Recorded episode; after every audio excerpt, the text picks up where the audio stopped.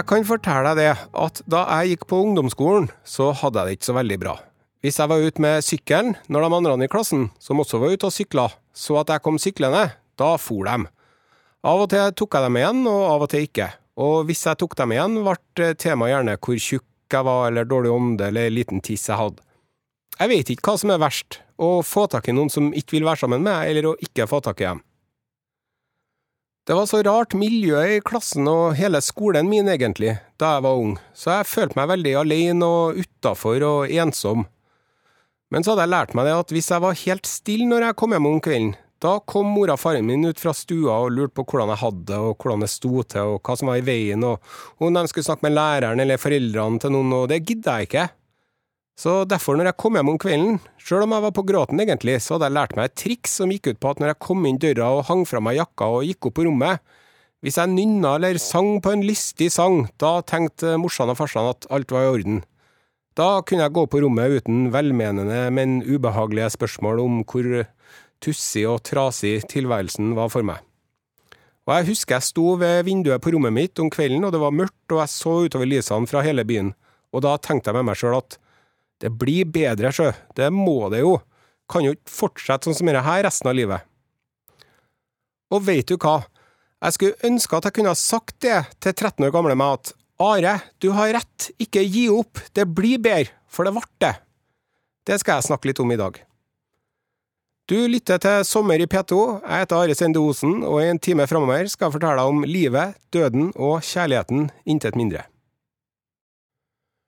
Det der var den sjamaikanske poeten Linton Kwesi Johnson med låta More Time.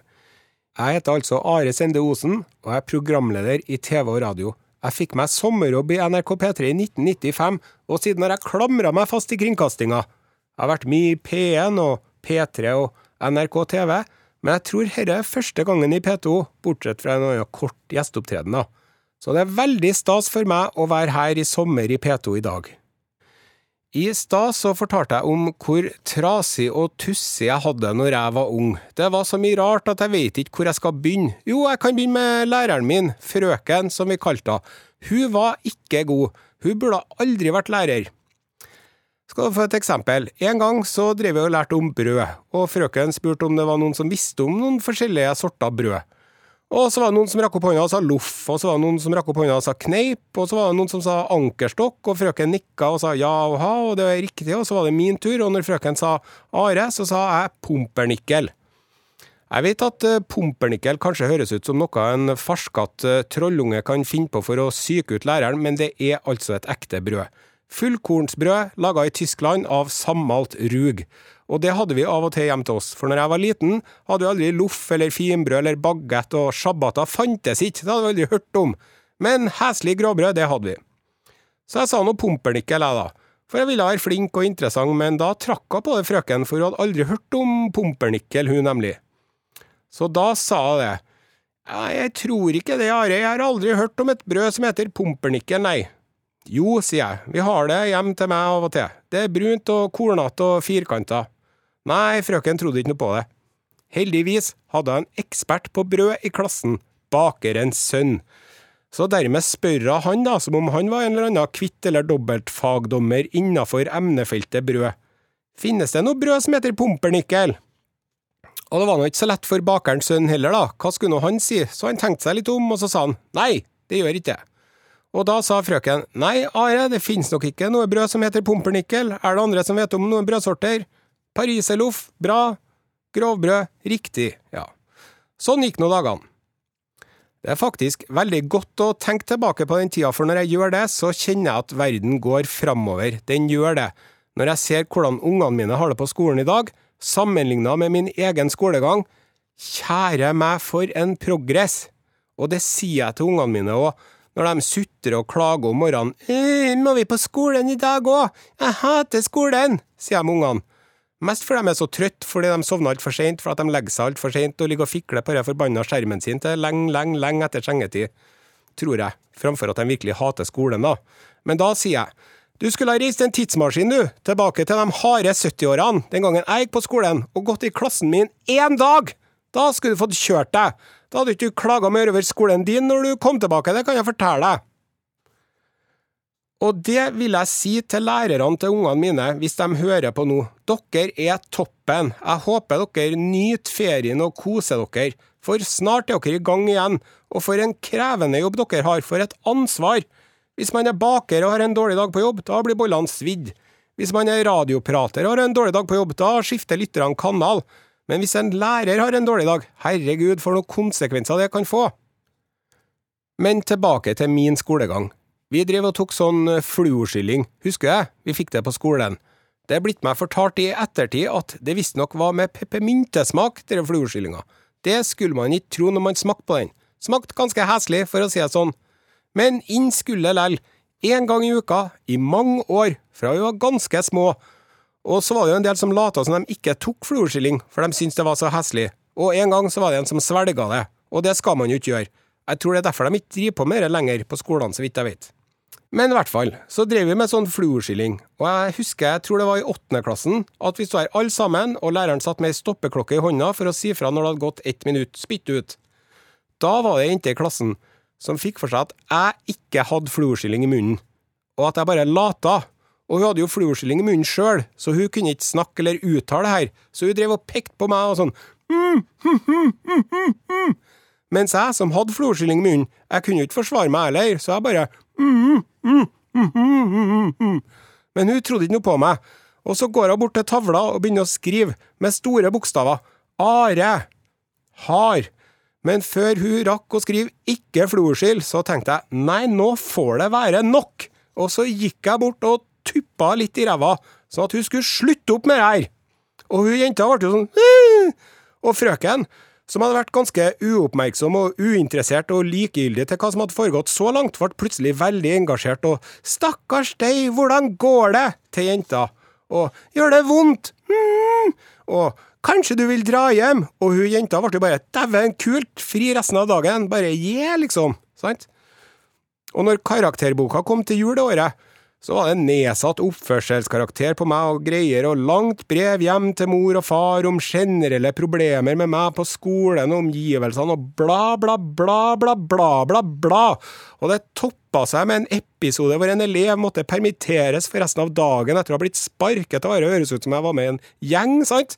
Mens i virkeligheten så dreide det seg om et meget velfortjent tupp i ræva. Riktignok med litt tunge vintersko, men lell.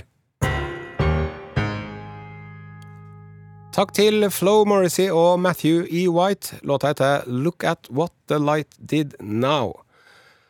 Jeg har en storebror som heter Jon, og hans liv og tilværelse tror jeg gikk som på skinner helt til han var fem år gammel.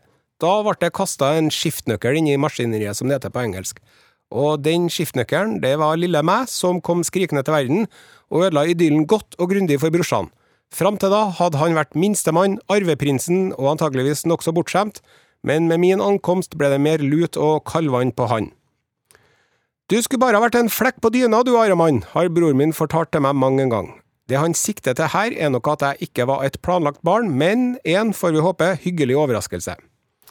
Og en gang, når jeg kanskje var fem år gammel, var både mora og faren min og søstera mi bort, og storebroren min skulle passe på meg noen få timer. Jeg hadde lagt meg, men sto opp for å gå på do og tisse. Da jeg kom tilbake, hadde brorsan lista seg inn på rommet og lagt seg under senga mi. Der lå han musestille helt til jeg holdt på å sovne, og da hviska han Are, Are.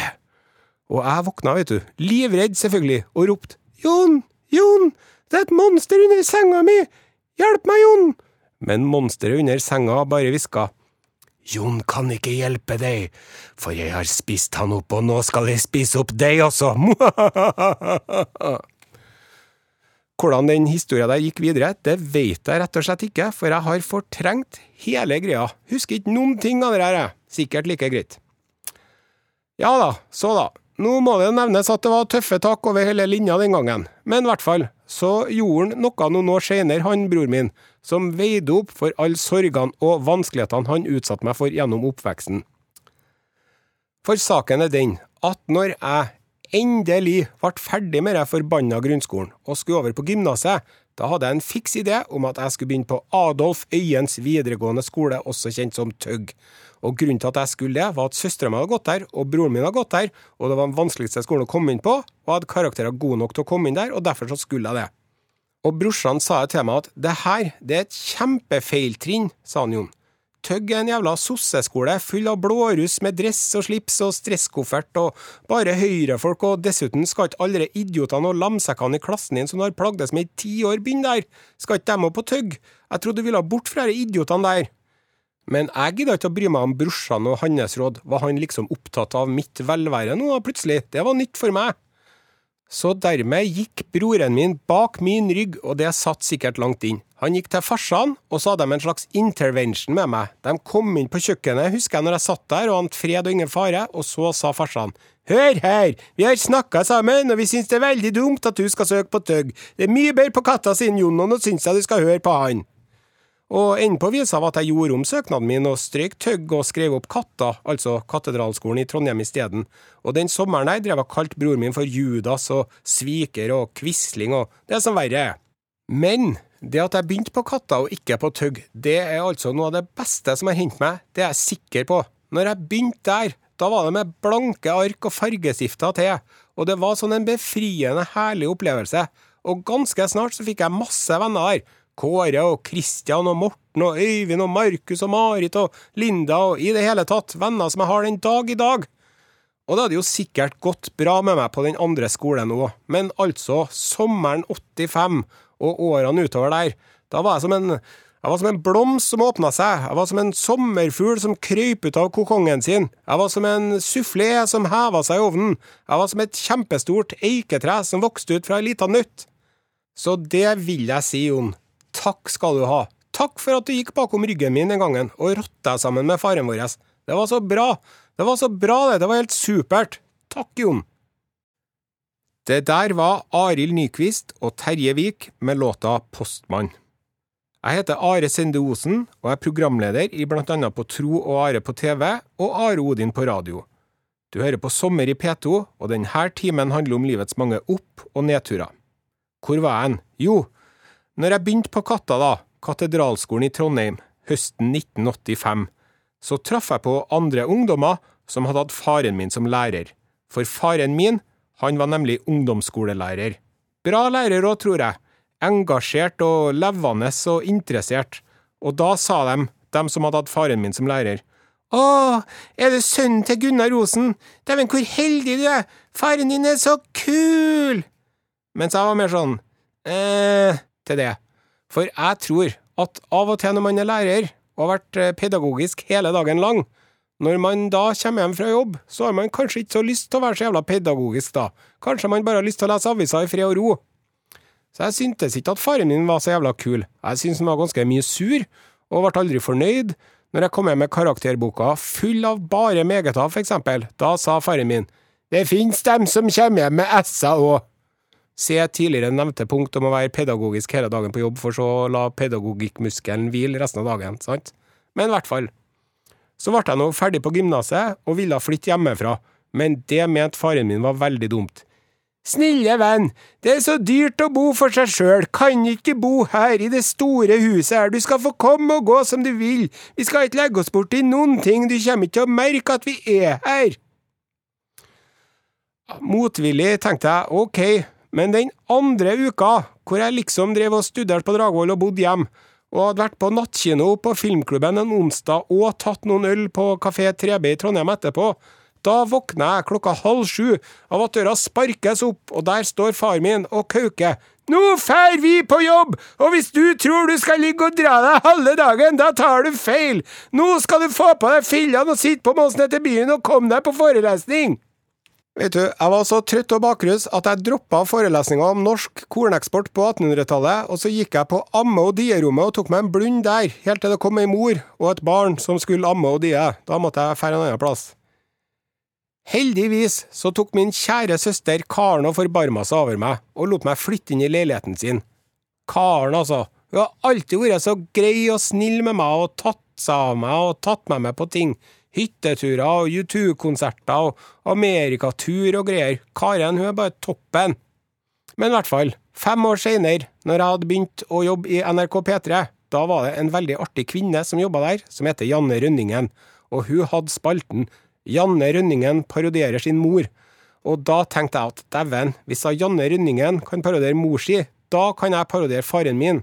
For det har vi jo gjort i min familie siden før jeg ble født, høy terapeutisk effekt når han var sint og sinna og urimelig. Og så spurte jeg faren min om jeg kunne få parodieren på radioen, og det kom ikke til å bli pent. Du kan gjøre hva faen du vil, du, sa faren min. Jeg gir nå faen. Ja. Og det ble faktisk ei ganske populær greie som jeg holdt på med i flere år, faktisk, og ble bok og greier. Are Osen parodierer sin far. Når jeg forteller om denne boka her nå, så er det ikke for å mæle med egen kake, det er ikke for at du skal kjøpe den i butikken eller låne den på biblioteket, for de har den ikke i butikkene lenger, og den finnes ikke på biblioteket. Hvis du drar på biblioteket og spør har dere denne boka til han Are, da svarer bibliotekaren vi har alle bøkene til Are Kalve, vi. Men min bok blir altså veid og funnet av for lett litterær kvalitet til å bli innbefatta i innkjøpsordninga. Lyttere som aner en bitter undertone her, er gode observatører. Så, eneste sjansen du har til å høre en av parodiene, er at jeg leser det for deg, og det skal jeg gjøre nå. Are Osen parodierer sin far. Jeg husker da du var liten, Aremann. Da var du så flink til å stå opp om morgenen. Samme hvor tidlig det var. Om vi skulle hente mor di på flyplassen klokka sju om morgenen, for eksempel, så ville du alltid være med, sjøl om du måtte stå klokka halv seks.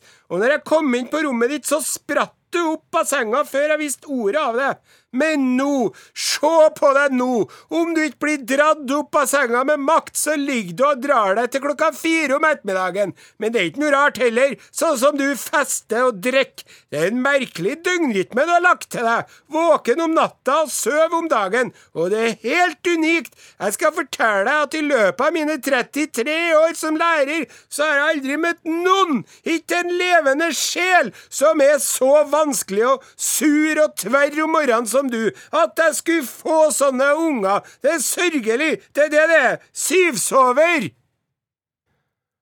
Faren min er verken lærer eller overlærer lenger. Han er en meget aktiv pensjonist, og, ifølge sine egne ord, blitt mild som Passaten. Kanskje det har en sammenheng med at han har begynt med hjertemedisin. Jeg vet ikke. Men jeg kommer på noe fra gamle dager, når vi ungene drev og kritiserte faren min for barneoppdragelsen hans. Da sa han det blir aldri rett lell. Det blir alltid noe feil. Jeg gleder meg til de får barn sjøl, så skal de få se hvor lett det er. Og nå, som jeg har fått unger sjøl, så ser jeg at en Gunnar har rett, og at han gjorde en ganske bra jobb, egentlig.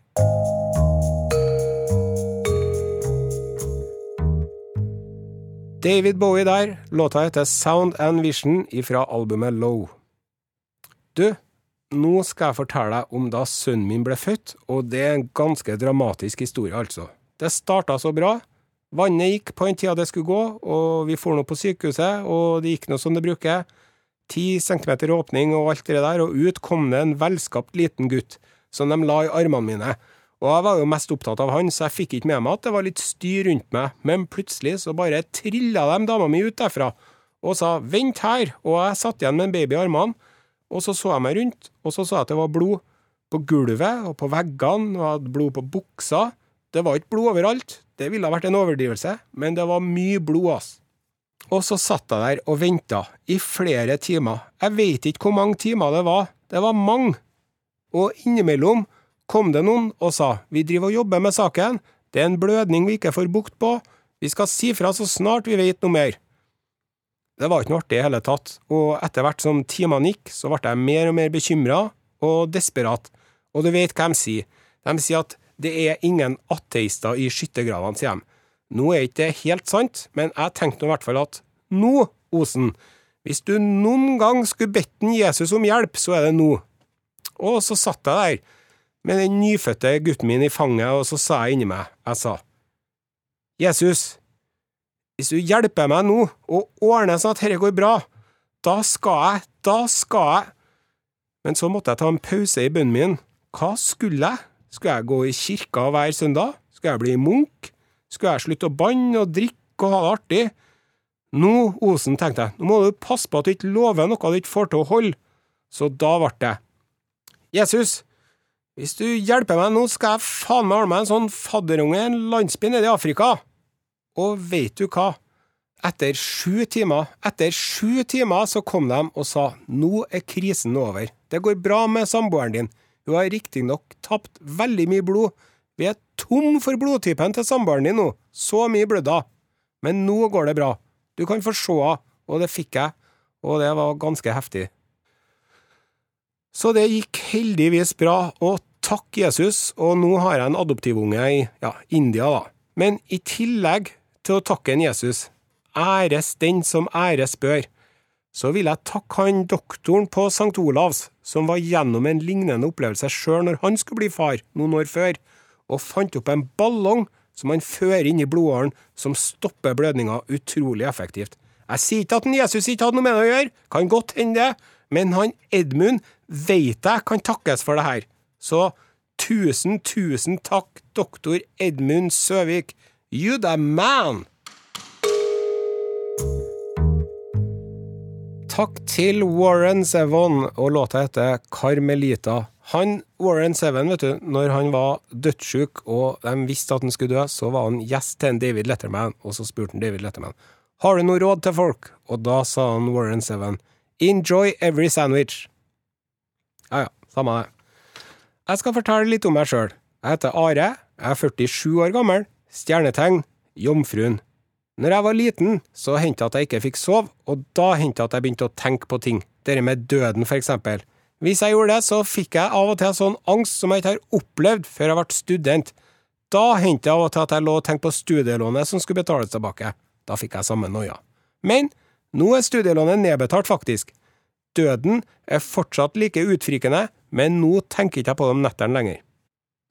Men i hvert fall, så var det en gang jeg lå og tenkte på det med livet som går, og fasene i livet, og hvordan det er tid for alt, og så lå jeg spekulert på om jeg noen gang kom til å finne meg ei dame jeg kunne slå meg sammen med og få barn med og sånn. Og det var mye å tenke på. Og så tenkte jeg, enn om jeg aldri finner noen, enn om det aldri blir noen dame på meg? Den tanken her skulle plage meg mye i løpet av tenårene, forresten. Men så spurte jeg mor mi, da. Hva om jeg ikke finner noen å være sammen med, da, mamma? Men da sa mora mi at det gjør du sikkert. Og veit du hva, kryss i krasmåsa, det gjorde jeg, gitt. Det tok litt tid og litt prøving og feiling, men jeg ordna meg dame. Og unger, to stykker, og hund, og kjøkkenhage. Alle sammen, vet du, i bryllup og sånn, så sier de om brura si, så sier de jeg visste det første gangen jeg så deg. Ja, sånn var ikke det med oss. Jeg skulle ikke ha noe kjæreste, for jeg skulle ferde jorda rundt sammen med en Morten. Jeg sa fra ganske klart om det ganske tidlig. Ja, ble det aldri noe av denne backpackinga, det er nå like greit, spør du meg. Backpackere flest kommer hjem med skabb og tatoveringer og kjønnssykdommer. Ikke at det er noe galt med det, altså, jo, det er jo noe galt med skabb og kjønnssykdommer, men tatovering er ikke noe galt med, så lenge du ikke får en allergisk reaksjon, da eller en sykdom, gulsott, eller en tatovering du hater etter tre år. Før, vet du, da var jeg litt redd for folk med tatovering. Jeg var redd for at de skulle gi meg trøbbel. Nå er jeg redd for at de skal gi meg en vanilla latte når jeg egentlig har bestilt en kaffe au lait. Men i hvert fall, så ble vi nå sammen, jeg og Eli, og det er jeg veldig glad for. Hun er så snill og myk og artig og deilig, og hun lager så nydelige unger å gjøre. Riktignok så hender at jeg irriterer meg over lydene jeg lager når jeg spiser egg om morgenen, men jeg driver jo og irriterer meg over de lydene jeg lager sjøl når jeg spiser egg, så dere får jeg ta på min egen kappe fremfor hennes. Og sant, livet med jobb og unger og fritid og sjølutvikling, det er ikke enkelt, sjøl om det er enklere her og nå for de fleste enn det noen gang har vært siden vi menneskene temma ilden, så hender det at det er en liten bump i veibanen men lell, så kan jeg altså ikke forestille meg noen andre damer av alle damene jeg kjenner og har hørt om, som jeg kunne ha bodd sammen med her og nå og levd livet sammen med, sånn som vi gjør. Så det er vel kanskje det som er kjærligheten, da. Å nei, vi er ikke gift. Det har ikke blitt sånn. Det er ikke så travelt med det heller. Jeg sier ikke at det aldri skjer, og det hadde jo vært artig, men det er jo mye styr, da. Men i hvert fall, vi er ikke perfekte, noen av oss, og vi er uenige om mange ting. Hvem som er best til å kjøre bil? Ok, det er faktisk hun. Hvem som har best musikksmak? Det er meg. Så her kommer det en låt til kjæresten min. Her er Louis Armstrong, La vie en rose. Det her er sommer i P2. Jeg heter Are Sende Osen og har jobba som programleder og reporter i NRK i nesten 25 år. Jeg livnærer meg av å være stor i kjeften og bajas, men i virkeligheten er jeg en ganske rolig type. Litt sjenert, faktisk, hvor underlig det enn kan høres ut. I den timen her driver jeg og forteller om livet mitt, som sjøl om jeg har vært heldig og privilegert på mange vis, slettes ikke alltid har vært en dans på roser. Jeg skal si noen ord om min kjære mor, som ikke er blant oss mer. Mor døde i 2012, da hadde jeg vært veldig syk i flere år. Og de siste par årene så visste vi alle sammen at det bare var et spørsmål om tid. Det er helt uvirkelig å se en man elsker visne hen og bli svakere og svakere og nesten forsvinne. Overgangen mellom livet og døden viskes ut og blir vanskelig å se, det er som om personen er begge deler på en gang. Når døden er en visshet, bare et spørsmål om tid, det er noe helt for seg sjøl, ass. Altså, den er jo en visshet og spørsmål om tid for oss alle. Alle skal vi jo dø. Når som helst kan man bli meiden av en buss, eller truffet av en stein som detter fra himmelen, eller det bare sier poff oppi hjernen eller plopp inni hjertet. Ingen kjenner dagen eller timen, det er sant det, men for noen er dagen og timen nærmere enn for andre. Så det er en underlig ting å være vitne til, den sikre, ugjenkallelige veien mot døden. Og der var mor, hun var så tøff og modig, jeg håper jeg klarer å utvise samme ro og verdighet når det blir min tur. Det er en stor sorg i livet mitt, det at eh, mor døde. Men som jeg bruker å si, det er ikke noe å gjøre noe med. Det går ikke an å gjøre noe med det. Og altså, nå når jeg har fått unger sjøl, jeg vil veldig gjerne dø før ungene mine, og det gjorde mor. Det er sånn det er, og det er sånn det skal være. Det er best på det viset her. Det beste som kan skje med oss alle sammen, er at vi blir gamle og svake og visne, og så dør vi. Og de som er ekstra heldige, de har noen som tenker på seg og savner en. Vi som er igjen, vi skal tenke på dem som er borte innimellom, og da skal vi tenke noe fint. Der har jeg heldigvis mye å velge iblant. Hun mora mi, vet du, hun var sjenert. Hun var beskjeden, kanskje, hun var reservert. I dag ville kanskje noen sagt at hun hadde sosial angst, jeg vet ikke. Men hun trivdes ikke så godt blant folk hun ikke kjente. Men når hun var omgitt av venner, og slappa av og slapp ned garden, da var hun utrolig festlig og morsom og interessant. Men for folk som ikke kjente henne, så kunne hun virke litt grå anonym, kanskje. Da mora mi var ung lege på regionsykehuset i Trondheim, satt de og skulle ha sånn morgenmøte, og han overlegen, han var forsinka. Og så, når han endelig kom, var han veldig ivrig og oppjaga og spurte entusiastisk. Vet dere hva jeg fant på trappen i morges? Vet dere hva jeg fant på trappen? Dere vil ikke tro hva jeg fant på trappen i morges! Gjett, da! Gjett! Og de andre de ville jo helst komme i gang med det allerede forsinka morgenmøtet, og ga vel egentlig faen i hva overlegen hadde funnet på trappa, men han ga seg ikke. Og så gjetta jo noen av dem, da. En blomst, eller en hundebæsj, eller en avis. Ting som man kan tenke seg ligger på en trapp, men alt var feil, og overlegen ga seg ikke. Gjett hva jeg fant på trappen! Gjett da! Gjett da! Da smeller det fra mor mi. Ei dau fitte! Da ble det veldig stilt i hele møterommet, kan jeg fortelle deg. Og så er det jo sånn at den historia her, den må forklares. Men på den tida der så var det en vits som de drev og syntes var så artig i familien min, sjø. Bare vent nå, så vil du forstå hvorfor det er så morsomt. Det kommer en liten gutt på Vestlandet inn til mor si og spør. Moar, moar, er det stygt å si maus? Moar, moar, er maus et stygt ord? Ja, båndet mitt, maus er et stygt ord. Da, mor, ligger det ei død fitte på trappa. Og hun hadde jo rett, mora mi, vet du, for det var jo ei død mus som lå på trappa. Det er jo gjerne det, hvis ikke en blomst eller en avis eller en hundebæsj. Og etter det så fikk mora mi mye mer respekt blant personalet på lungeavdelinga på regionsykehuset, og det var ingen som mistenkte henne for å være ei lita grå mus lenger. Ja ja, nå er mamma død på sjette året. Sånn er det, det er ikke noe å gjøre noe med. De sier at sorgen blir lettere etter fire år. Jeg venter nå spent på at det skal inntreffe. Så dere som har et glass i hånda nå og hører på, spesielt dere som drikker rødvin, for hun mor hun koser seg med et glass rødvin. Jeg vil foreslå en skål for min kjære mor, da, eller kanskje en du savner i ditt liv. Jeg savner deg, mamma, tenker på deg hver dag. Og nå skal jeg spille ei låt som mora mi likte så godt. Hun likte både teksten og melodien og gitarsoloen til og med. Husker hun sa det, kan du ikke sette på den sangen om sommeren, Are, og så begynte han å nynne på refrenget. Så her kommer de, De Lillos, låta etter neste sommer. Takk for meg.